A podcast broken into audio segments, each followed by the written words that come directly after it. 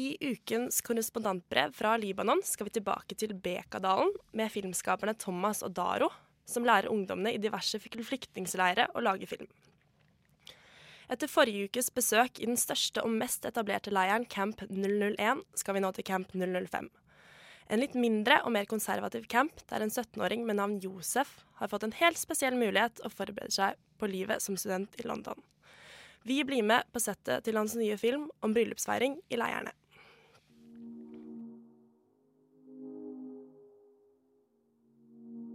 Denne reportasjen er en fortsettelse av forrige ukes innslag.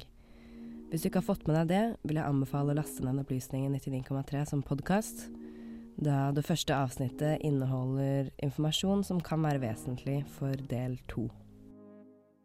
I'm uh, Yusuf Al-Mulaya. I'm 17 years old. Um, I'm living in a camp uh, in Al Bika Valley uh, in Lebanon. I'm here in Lebanon since uh, five years it. Første gang jeg møter Yusuf, lørdag kveld den 19. november, er det en selvsikker ung fyr med glimt i øyet jeg treffer. Han er 17 år og nest eldst i en søskenflokk på fire. Han bærer den sorte skinnjakken og sjalet knyttet rundt halsen elegant. Stemmen er myk og luftig, nesten feminin. Etter utseendet og fremtoningen å dømme ser han ut som en noe rocka stjerneskudd, og snart hjerteknuser. Spørsmålet er bare om han vet det selv. Yes, it's here.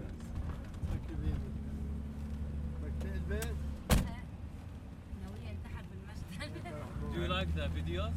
It's very nice, yeah. I think it's good. I'm looking forward to also see the stuff you have on your laptop. Jeg har mast på Thomas og Daro om å få treffe ham i noen uker nå, etter at Thomas fortalte meg om en elev de har som skiller seg litt fra de andre pga. en viss eh, kreativ drivkraft. I kveld er vi på vei til settet til hans nye prosjekt om ekteskap i leirene. Ekteskap er nærmest for en ukentlig tradisjon å regne, ettersom at eh, andre overgangsritualer som utdanning eller det å flytte hjemmefra er ganske utilgjengelig for de fleste ungdommene. Høydepunktet, og det som først og fremst skal filmes i kveld, er slaktingen av tolv sauer som skal tilberedes før bryllupsfesten neste dag.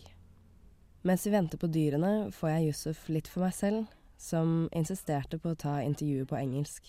Uh, this film uh, for show that uh, the people here is uh, wedding and uh, stay party uh, whereas some people uh, maybe killed or some village is destroyed Yusuf ønsker å vise at syriske familietradisjoner opprettholdes på tross av krig og ødeleggelse. Jeg merker at han har en ganske annen måte å reflektere rundt filmingen på enn de andre ungdommene jeg har snakket med tidligere. Men det er ikke alltid at engelsken strekker helt til. This is the idea. We will start with some pictures, some photos, uh, show that uh, people run away, people uh, uh, crying, maybe. Sauene lar vente på seg, men feiringen av brudeparet er i full gang allerede. I et stort partytelt er det noe sånt som 50 mennesker, hvorav en gruppe danser dabki i ring på jordgulvet, og resten sitter rundt på plaststoler og røyker shisha og drikker te.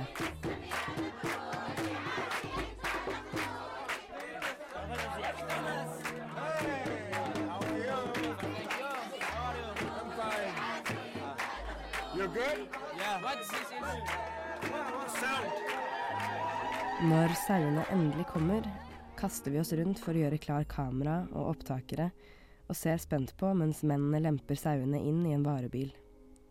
Deretter tar de dem ut én og én, kutter strupen forfra og legger dem med hodet mot Mekka for å blø ut.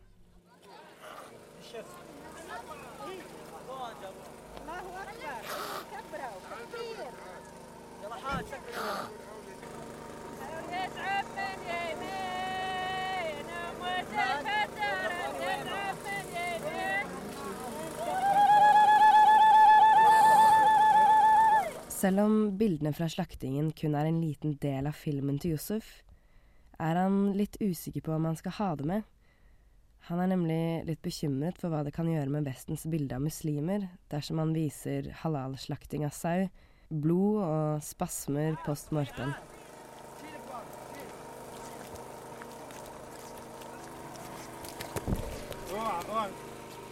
Hvilket faktisk bringer oss til kjernen av saken.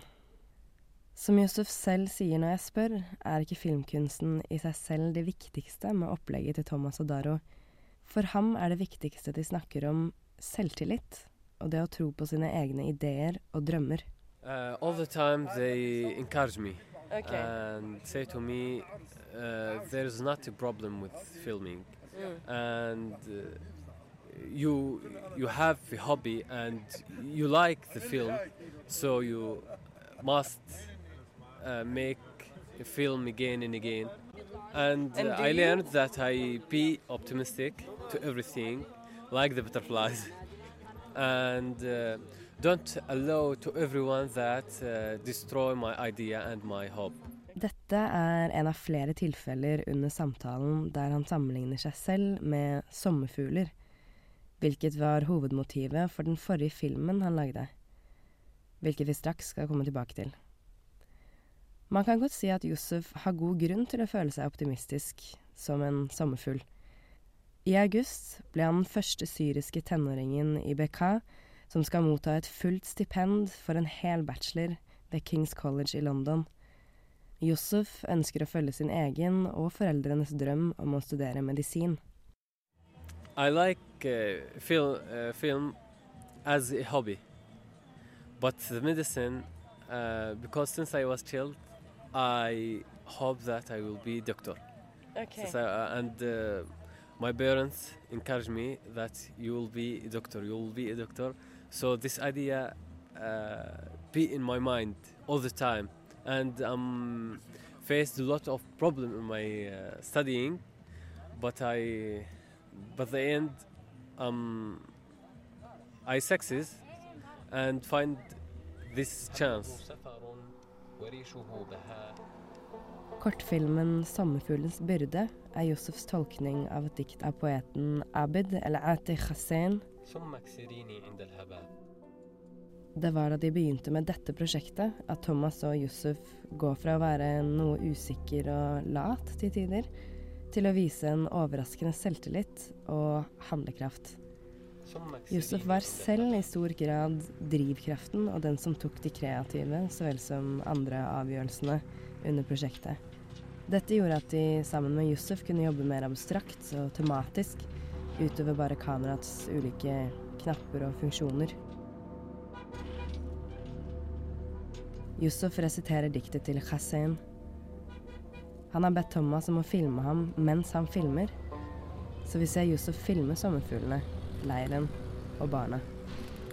وأنت أيتها الفراشة احتفظي بي طويلا علني أصير طائرا and uh, there's uh, a lot of people uh, don't have freedom don't have this freedom but uh, the butterfly is flying and uh, get uh, their freedom